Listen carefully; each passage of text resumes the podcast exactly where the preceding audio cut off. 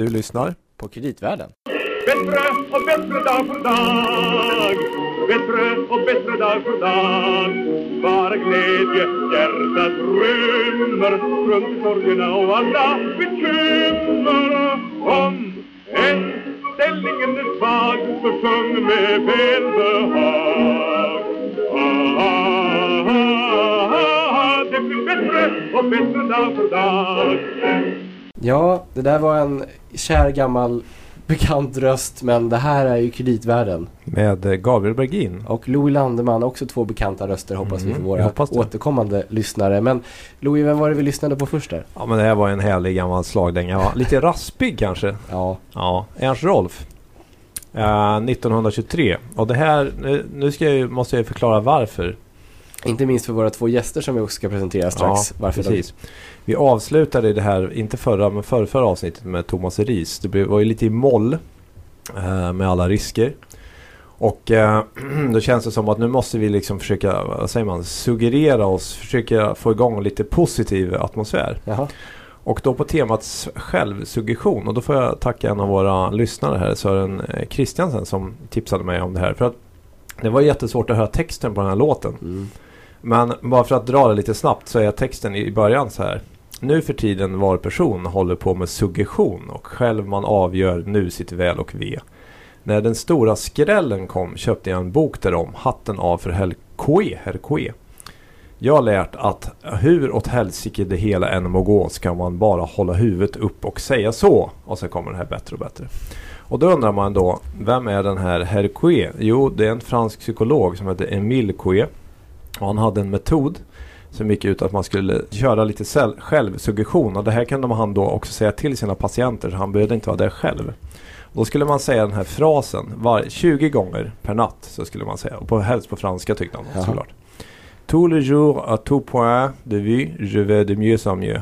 Det vill säga att jag mår bättre och bättre Ja. varje dag.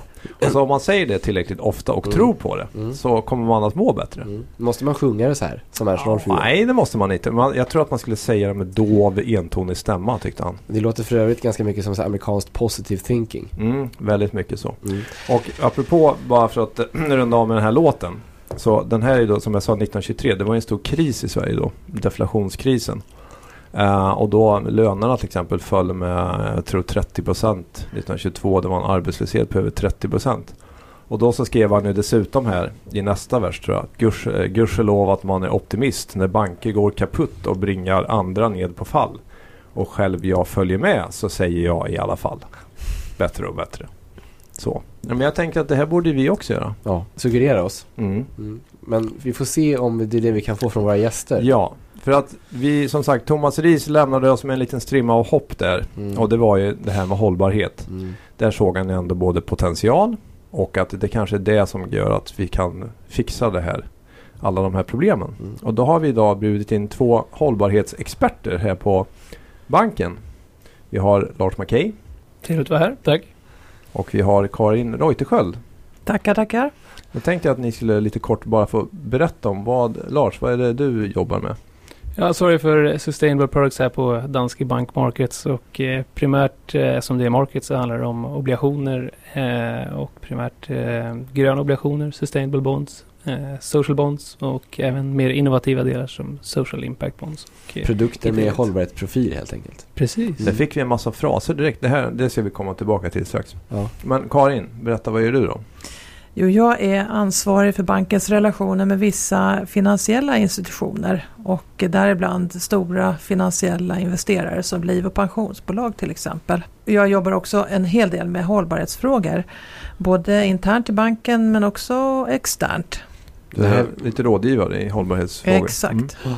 Jag tänkte säga det är väl också för att en del av de här liv och pensionsbolagen har blivit mer intresserade av de här frågorna på sistone. Mm, precis. Det här är en överlevnadsfaktor för dem. Det är ingen som eh, har sett de här reklamfilmerna från SPP med golfande pensionärer på soptippar som det, har ja, undgått lite, att förstå. Musik som går i dur och moll. Just det. Och det är eh, de som är pensionärer och som framförallt de som vill i en framtid bli pensionärer. De vill inte att deras pengar ska förräntas tack vare barnarbete och eh, miljöförstöring helt enkelt. Mm. Just det. Ja, det låter ju som att vi har hittat eh, två bra personer här Gabriel. Verkligen. Ska vi gå då? Så får de... Nej. Nej, alltså. Jaha, nej, jag vill ju veta. Ja, ja, ja. Just det. Mm. Men eh, jag tänkte så här, till att börja med. Vi, vi kanske ska börja med att reda ut begreppen lite så här. För att vi, det, ehm, ja, vi hörde dig, Lars, du hade massor med begrepp där. Men om vi börjar med det kanske mest grundläggande då. Vad menar vi med hållbarhet till att börja med? Finns det så en allmän definition eller är det så att var och en definierar själv? Ja, först och främst så, eh, inom mitt yrke så blir det att man rör sig lite grann i andra regioner av världen också. Så att hållbarhet har nog en väldigt stor skillnad från vem som säger det. Och eh, här i Sverige så har vi ju tagit det ganska långt. Vi har en lång tradition av att, vad vi ser som hållbarhet. Mycket handlar just om, om miljö, miljödelen. Men det är miljö, men så det finns ju andra, du var inne på det Karin, sa mänskliga rättigheter nästan och kanske Mm. etik och så är det. Precis, för många företag så handlar med hållbarhetsfrågorna om långsiktig ekonomisk överlevnad helt enkelt. Eh, Och stabila förutsättningar för verksamheten. eh, Till exempel när det gäller miljöfrågor men också mänskliga rättigheter, sociala frågor, eh, mångfaldsfrågor, könsfrågor och etik och moral helt enkelt. Och då är inte minst korruption som ju seglar upp som ett Mm. av de stora hållbarhetsämnena just nu. Just det. Men då kan man ju lite krasst säga att vad man fokuserar på kanske beror på vad, vad ska man säga, vad omvärlden fokuserar på. Ja, lite opportunism finns det ju absolut i hållbarhetsfrågorna också. Jag tror att eh, det är naturligtvis går mode i dem också. Och det är väl kanske ingen slump att just eh, mänskliga rättigheter och korruption nu är mer aktuellt än Nej. någonsin. Nej, utan olika media Mm. drev och så vidare. Men, men okej, det, vi, vi kan återkomma till det där lite mer. Men jag tänkte sen så finns det ju, förutom själva begreppet då, så finns det ju väldigt mycket förkortningar. Ehm, om vi börjar med till exempel en sån här förkortning som man hör ofta i sådana här sammanhang är ju CSR. Corporate res- eh, Social Responsibility. Okej, okay. pratar om så här CSR-frågor brukar man ju säga ofta. Exakt.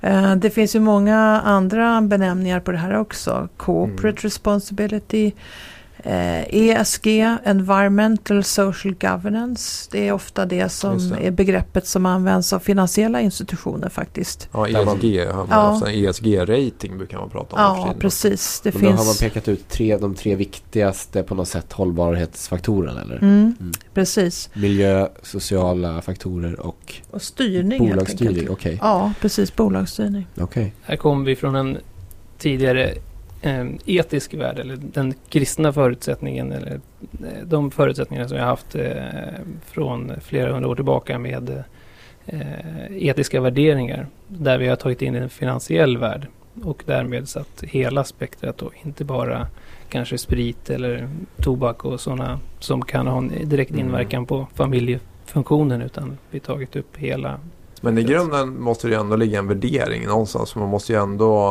um, säga att det här, till exempel, det här är okej eller det här är inte okej. eller um, ja, vad vet jag, om man tänker sig investera eller inte investera i någon speciell sektor eller så. Så kan det ju vara så att man har vissa åsikter om att det här kan jag leva med. Det kan vara ett annat fall där jag tycker att okej, det är inte perfekt idag men de är på väg att bli bättre. Mm. Så att jag antar, i grunden, men jag antar att i grunden blir det en, det måste ju ändå vara en typ av värdering som man lägger i botten på det. Ja, jag tror att det är ganska viktigt att man eh, försöker förhålla sig rätt eh, neutral till de grunder och de principer som man jobbar med och som man jämför med så att säga och talar om om det är hållbart eller inte. FN har ju till exempel satt upp eh, en hel del riktlinjer för hållbarhetsarbete och Mm. nu senast i september så har man gett ut nya riktlinjer för det här som företag och institutioner kan förhålla sig till. Och eh, det är ju de vi oftast jämför med. Det, man ska nog försöka att inte tycka för mycket. Och fast å andra sidan måste man väl det. Jag menar antingen tycker man det är okej att investera i ett oljebolag eller så tycker man inte det. Mm, Eller hur? Absolut. Så man kan ju inte vara neutral egentligen. För antingen gör man det eller så gör man det inte. Eller hur? mm. Det är alldeles riktigt. Eh, vad jag tror är att, att eh, man får bestämma sig Ja för Precis. vad man ska förhålla sig till och hur man, vad man ska jämföra med helt enkelt. Mm. För vi kommer Mm. kanske tillbaka mer till exakt hur man som investerare tänker och lägger upp strategier och annat för att hantera sådana här risker som det egentligen är. Mm. Men det handlar inte också mycket om vilken investeringshorisont man har. Att någonting som är hållbart på tre års sikt kanske har en annan profil på 50 års sikt. Eller framförallt kanske en annan förväntad avkastning om man tar in hållbarhetsaspekten. Mm. Kan inte det också vara en... Absolut, titta på gruvnäringen till exempel. Det är en ganska uppenbar... Sen är det i och för sig frågan, det kanske inte är hållbart på, alltså det har ju samma konsekvenser men de syns inte förrän om 50 år. Nej. Kanske. Nej. Och det kommer då in i den ekonomiska kalkylen Ja. också på 50 års Mm. Ja. Mm. Jo, absolut. Jag tänkte Lars, du är ju med och träffar mycket bolag och liksom ger eh, antar jag, råd och du pratar om gröna obligationer till exempel. Hur upplever du, liksom var, hur är medvetenheten generellt bland bolag idag? Då? Hur mycket, pratar man mycket om sådana saker? Eller? Det gör man definitivt. Men som i allting annat så ehm, är det en lång resa att göra och vi har inte kommit eh, så långt ännu även fast man, man ser mycket förbättring. Ehm, att använda då till exempel ett sådant instrument som gröna obligationer där man kan ringa in ett speciellt typ av tillgångar som man finansierar genom den här enheten eh, ger ju en, en, en mer transparens för det är det som vi förordar. Att man ska kunna se exakt vad, vilka delar som man ens investerade pengar går till. Så absolut. Mm. Vi har, pratat, vi har ju pratat i tidigare avsnitt om gröna obligationer så den som vill veta lite mer om det rekommenderar vi eh, att gå in och lyssna på det avsnittet. Men idag tänkte vi prata i lite bredare termer. Men jag tänkte så här, nu har vi pratat lite generellt, vi har definierat begrepp, lite status var vi är någonstans. Uh, ska vi ta några konkreta exempel där det har eh, gått fel? Ja. Där man hade behövt göra hållbarhetsanalysen Ja, ja, eller gjorde man det kanske och missade eller jag vet inte. Men eh, om vi, vi tänkte vi börja med ett eh, väldigt välkänt fall, Ja. nämligen Volkswagen. Just det. Och då lyssnar vi på ett litet Nyhets. nyhets, nyhetsinslag. Ja. Mm. Well, it seems the fallout for Volkswagen is just getting larger. On Tuesday, the company revealed that 11 million of its diesel cars were equipped with software that was used to cheat on emissions tests, effectively taking it from a U.S. problem to a global one. Don't forget, it was just Friday when U.S. regulators said VW had programmed about 500,000 vehicles to emit lower levels of harmful emissions in official tests when compared to the real deal. But the number of vehicles now involved, 11 million, suggests that the damage to the company's reputation and its brands may go a whole lot deeper than once thought. Ja, det här var den här, vad kallas väl Dieselgate nu, den här Volkswagen-skandalen, gör inte det? Den är ganska välkänd så jag tror vi inte behöver förklara så mycket mer om det. Men frågan är eh, till er här, är det här var det någonting man kunde ha sett innan vad gäller Volkswagen om man hade eh, liksom gjort en sån här eh, så kallad ESG-analys på det här bolaget? Den ESG-analysen som hade gjorts, eller de ESG-analyserna som hade gjorts av de ratinginstitut som finns i världen, så fick ju de här väldigt bra utslag och låg väldigt bra till därför att man gjorde bra saker i jämförelse med andra tillverkare inom samma sektor. Det. Det som vi såg utifrån ett mer globalt perspektiv där man eh, finns en aktör som heter ISS som är den enda SEC registered eh, governance raten i, i världen. Oj, det var det mycket termer. Ja, fortsätt. Ja. så, så ser man att de hade inte riktigt samma syn därför att de lägger mycket mer vikt och uppenbarligen eftersom de är governance eh, rater eh, kontra de som kör ESG där man kanske har mycket större vikt på environmental och social där man tycker att det var ett väldigt stort genomslag från Volkswagen. Men eh, ISS som tittade mer på hur är förhållandet mellan de olika aktörerna i ledning, hur stor del utav aktierna är free floating, att man kan som eh, andra utomstående aktörer än de största ägarna som känner varandra lite för bra eh, och vilken transparens är det kring de som styr och ställer i bolaget. Och de ansåg att den transparensen var väldigt dålig och eh, hade de som sämst faktiskt. Just på det här G i den här. ESG-ratingen. Och det är ju intressant för att här är det ju liksom en egentligen en, en, om man tittar på CO2-utsläpp i, balans, alltså i, eh, i rapporten och sånt där så hade de kommit ut hyfsat väl. Men om man tittar på vad som gömmer sig bakom kulisserna så att säga. Det beror i och för sig på vad man menar med hyfsat väl. Men, men okej. Ja, I i, relation till andra. Ja, Ja. precis. Ja, Sen ska man väl också vara medveten om att det här var ju ett brott som Mm. låg bakom det här. Det här, är, det här var ju ett, jag skulle vilja kalla det för svindleri faktiskt. Mm. Eh, Det var ju inte så att man var verksam i en bransch som var eh, speciellt farlig. Bilindustrin är ju inte eh, känd för att ha, ha bra miljötänkande kanske alltid. Men eh, jag tror att eh, det här var ju en, en funktion av att man medvetet hade lurat Mm. Både sina kunder och sina aktieägare och myndigheter framför allt. Och eh, det är ju inte alltid det som är de största riskerna ändå.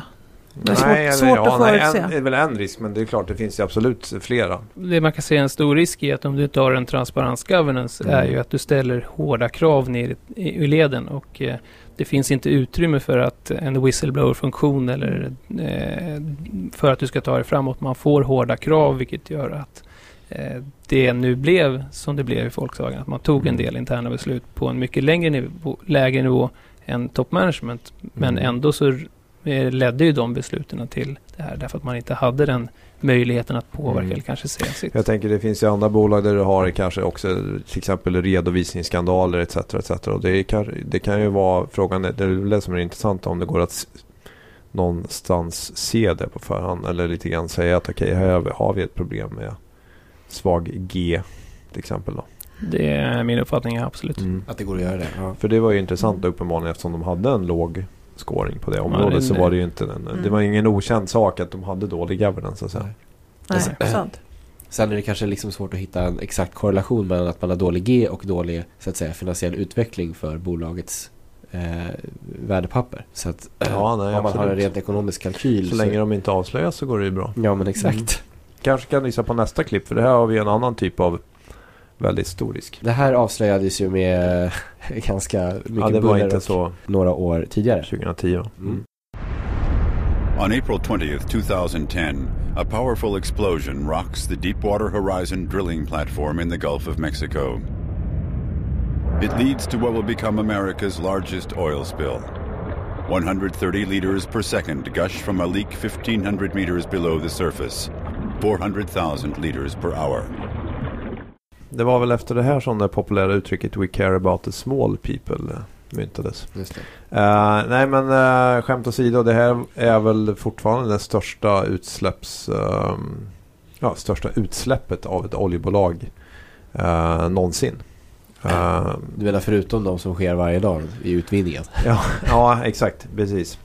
Men en enorm, enorm miljökatastrof. Största olyckan. Eh, precis, och jag tror även att det eh, har väl slutat med rekordbelopp också. Jag tror någonting i stil med 19 miljarder dollar som BP har fått eh, böta för eh, ja, oaktsamhet. Sen var det väl mycket diskussioner kring eh, att man skyllde på varann. Att BP sa att ja, det var Transocean som hade eh, plattformen och att det var deras fel och de skyllde i sin tur på andra och fram och tillbaka. Så att, men det, det är väl sånt som händer när någonting går fel. Att det är ingen som riktigt vill stå upp och säga att det var, det var vi som klantade oss. Men här, jag vet inte, det här är ju kanske svårare på sätt och vis. För frågan är hur har man kunnat se det här? Man kan ju säga ja, det är ett oljebolag. Men eh, jag vet inte om i övrigt om man kan säga att i förhållande till branschen att man gjorde Ja. någonting så mycket sämre. ja, ja uppenbarligen gjorde man ju det. Ja. Men eh, kanske svårare att på förhand pinpointa. Men Karin, vad har man för generella strategier för att så att säga hitta rätt bolag? Även om det kan vara en bransch som har stora problem. Men hitta bolag som inte, där man ser mindre risk. stora risker. Ja, exakt. Mm. Förutom då, vi gör ju kreditanalys så det är lite vårt jobb lite grann att titta Mm. ur ett kreditperspektiv. Men ur ett, liksom ett, eh, i det bredare perspektivet.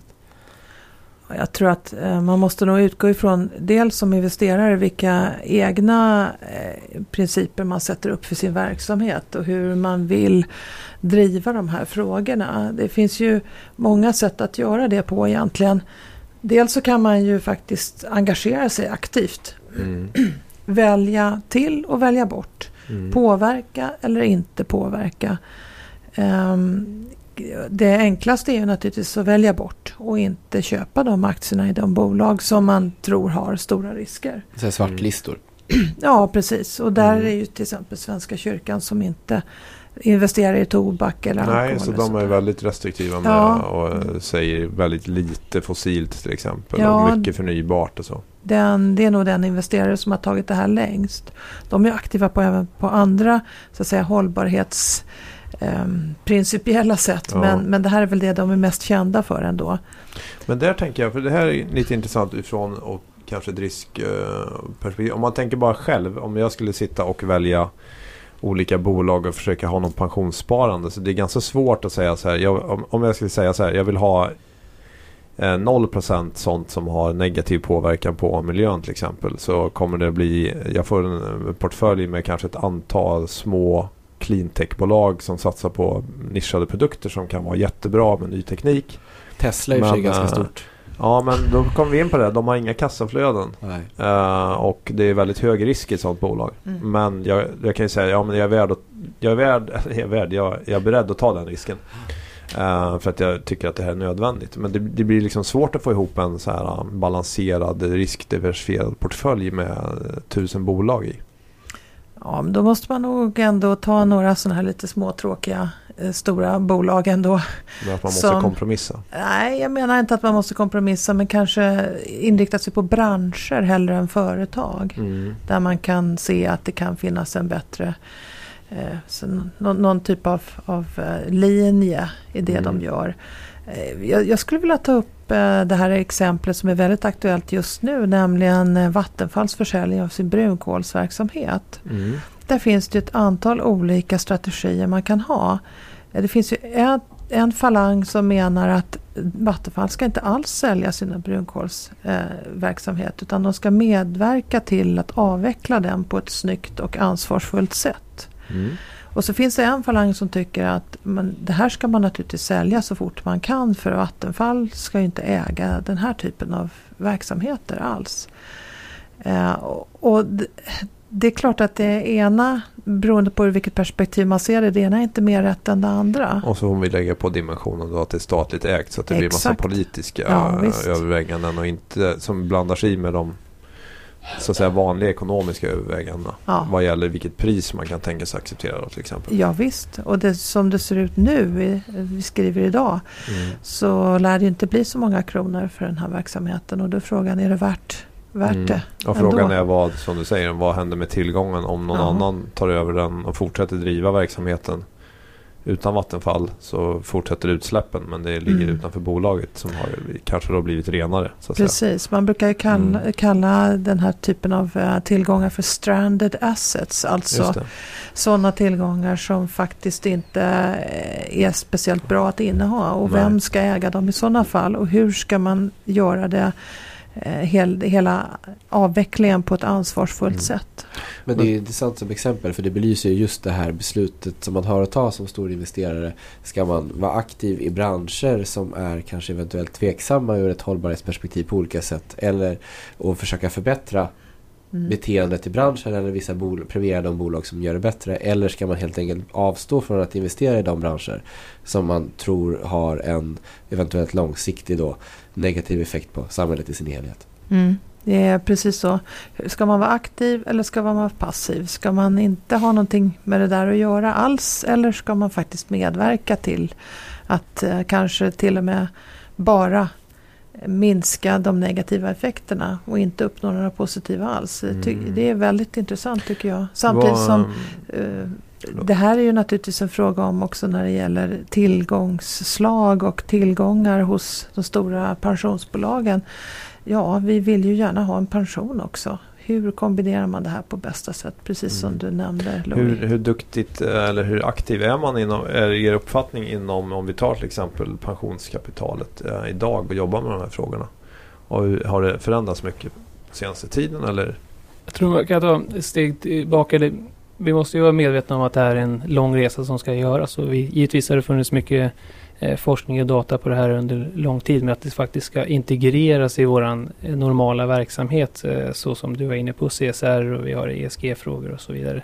Och det som är fina med Environmental Social Governance är att du får kvantifierbara mått på olika bolag i olika industrier. Så du kan sätta en regional eh, cirkel runt ett antal och sen säger du att inom den sektorn, eh, en specifik sektor, så kan du mäta eh, de olika enheterna mot varandra, eller de olika bolagen eh, mot varandra, vilket gör att du kan välja vilka som enligt de här ESG-ratinginstituten eh, är de som, som ger bäst avkastning eller ser bäst ut utifrån de förutsättningarna. Det där är en viktig poäng för att då just att man har någon form av mätbarhet. Så att man kan se eh, eller i alla fall, eller det är i alla fall en scoring som ger en, en någon sorts Sen finns det ju eh, brister i det såklart. Men, men eh, det är det bästa vi har att, eh, att gå på i nuläget. Och det gör ju att du kan pl- plocka ut de topp fem inom en sektor, inom en region eller Men, men någonting dock och innebär, det, om jag förstår rätt bara, för de här ratingen i det här fallet ehm, är väl mycket en sorts eh, relativ scoring och kanske branschen man placerar någonting. Men det, det kan ju ändå vara så att som exempel, du kan vara ett högutsläppande bolag men du är bättre än dina peers i din bransch och då får du en bra scoring, eller hur? Så Korrekt. att det måste man ju vara medveten om att det innebär ju inte att utsläppen i sig är små. Nej, och för att då, då finns det ju branscher som är betydligt eh, mer eh, lägre intensiva vad det gäller utsläpp och då kan man välja dem. Men för att få ha den här bredden så kan du fortfarande ta de bästa och de sämsta eller ja, bästa Mm. av det segmentet så du kan, du kan ha din diversifiering i portföljen. Men det som har varit en tydlig trend de senaste åren och det kanske man ser från s- de relaterade till staten i Sverige, bolag eller investerare så har man fått ett mycket tydligare på det här governance. Att man faktiskt ska aktivt gå in och påverka. Man ska gå på bolagsstämman, man ska göra sin röst hörd och inte bara vara en passiv ägare. Vilket gör att om Mm. du har ett stor position eh, eh, som ägare och men inte går och röstar så överlåter du din röst på andra att driva företaget eh, i en annan riktning. Det. Och eh, vi har även eh, norska oljefonden som vi kallar den eh, som går in och har samma förutsättningar och trycker på nu. Och eh, som världens största företagsägare så kan man faktiskt påverka i väldigt tydliga riktningar eftersom de har de förutsättningarna att de vill att det ska vara hållbart. Så att det anonyma kapitalet blir lite, mer lite mindre anonymt. Mindre anonymt och har väldigt stora muskler. Karin, du, jag tror du hade någon?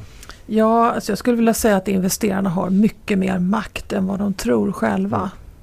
Jag tror att de, eh, eller jag vet rättare sagt att faktum är att ett enkelt brev som investerare i ett bolag kan påverka styrelsen i bolaget att göra inom citationstecken rätt val på ett sätt som man kanske inte riktigt tror alltid. Mm.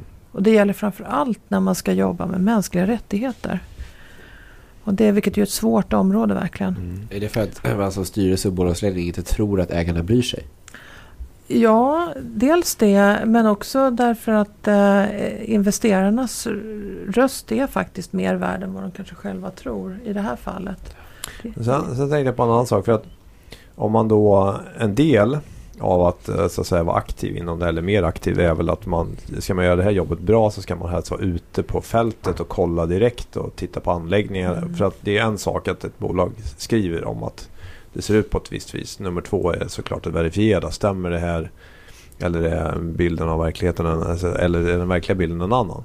Och då blir såklart frågan, ja, men om det då krävs eh, att man är ute och gör mycket mer så kallad due diligence inom det här området då. Eh, det blir en kostnad med det. Så vem ska liksom stå för den kostnaden? Blir det så att säga, fondspararna som får betala för det? Eller hur ska man se på det? En av delarna med ESG-delen är ju att du, du får en konsoliderad, du som investerare betalar till de som gör ratingen. Nu kanske inte de är ute på plats och tittar på samma sätt men man, Nej, för eh, det är väl just då är frågan om om de gör det så blir väl ratingen väldigt dyr då i och för sig. Och då är det investerarna som betalar för att få Mm. den ratingen. Om du har en kreditrating eh, som vi tittar på den andra sidan, då är det emittenterna som betalar för att bli ratade så att investerarna kan Så här är det Här investerarna, är investerarna som, som, betalar. som driver det. Och det är kanske en förutsättning för annars skulle bolagen betala ratinginstituten så skulle man väl direkt vara ifrågasättande om det här är Ja. en verklig granskning eller? Det som är intressant är att invest- investeraren kan ju då välja att eh, jag har nu innehav eller jag vill köpa den här. Då kan jag nog säga till sitt ratinginstitut som de väljer att eh, ni får ta och ratea den här enheten. Och du, jag har suttit tidigare som emittent. Då får du bara ett brev. Eh, eller de, nu ska vi göra en rating av er. Eh, vänligen ge oss den här typen av information. Och har du då inte ett whistleblower-system eller inte signerat eh, UN Global Compact eller visar hur du följer upp de delarna eller hur du Mm. tänker i olika steg. Ja, då kommer du få en väldigt dålig rating. Vilket då Mm. var en parameter som du inte hade med Mm. tidigare. Så det här har ju, om vi ser då att eh, eh, den här påverkan hos emittenterna eller de som så, eh, så har ju haft en stor inverkan nu på senare det. tid. Jag tänkte um, Karin bara som avrundning för måste fråga en sak.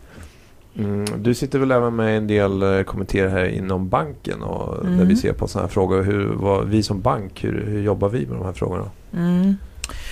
Eh, det finns egentligen fyra stora hållbarhetsrisker när det gäller bank. Det första är naturligtvis alla de pengar vi investerar för våra kunders räkning i fonder. Och fonderna köper ju vanligtvis aktier eller räntebärande papper. Eh, och kanske även andra tillgångar, men det är väl i huvudsak det. Eh, sen är det ju vår egen kreditgivning. Alltså vilka pengar lånar vi ut till vilka bolag? Och där är vi ju alla banker faktiskt eh, i början av en utveckling tror jag.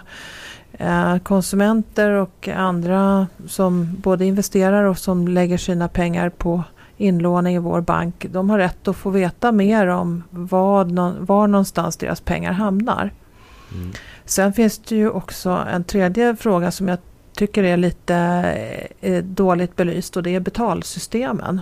Det finns ett enda eh, exempel på när alla institutioner har gått samman. Kortföretag, banker, andra finansiella institutioner. Det gick alldeles utmärkt och det handlade alltså om barnpornografi där man ju har försökt att i möjligaste mån eh, utesluta allt som har med barnpornografi att göra från betalsystemen. De kända betalsystemen i alla fall. Det kan vara ett såklart väldigt effektivt sätt att Ja. stoppa vissa Ja, företeelser. och det har man sett har haft en Mm. stor påverkan. Det är Mm. naturligtvis inte borta men det har haft en jättestor påverkan och då kan man faktiskt göra det på andra frågor också tycker Mm, jag. mm. Och sen är det naturligtvis eh, det gamla vanliga med flygresor och kopiapapper. Just det, precis. Ja, ganska mycket saker att jobba med Mm. uppenbarligen. Det händer en del på det här området Gabriel i alla fall. Det är kul. Ja, det är absolut. Apropå vår självsuggestion. Jag vet inte om det, Vi får väl fortsätta att säga Ja, det här. jag tycker så att- kanske det blir bättre. Ja, jag tror att ja, avsnittet spelade delvis i alla fall sin roll i den bemärkelsen. Men man inser också att det finns mycket kvar att jobba på. Mm. Mm. Och sen, nu kanske jag inte ska döda den här optimistiska svungen här. Men uh, apropå Ernst Rolf. Ja. Det var ju faktiskt så att han... Men innan du eh, sätter igång, spel, sätter på bandet. Ska vi Mm. tacka först för Karin och Lars. Ja men absolut, det Ja. ska vi göra. Det kan vi göra på en gång. Tack så hemskt mycket för att ni Stort kom. tack. Tack själva. Eh, ja, nu får du Ja, sätta på bandet. ja. Får jag säga en sak till bara först? Ja, vi finns på Twitter, Kreditvärlden. och ni kan skriva mejl på brev.kreditvärden.se. Jag är så ivrig att få berätta det här. Ja, nu låg nej, det. igen, det är lite tragiskt. Men han, han dog ju faktiskt i ett misslyckat självmordsförsök. Ja. Uh, Ernst Rolfsen.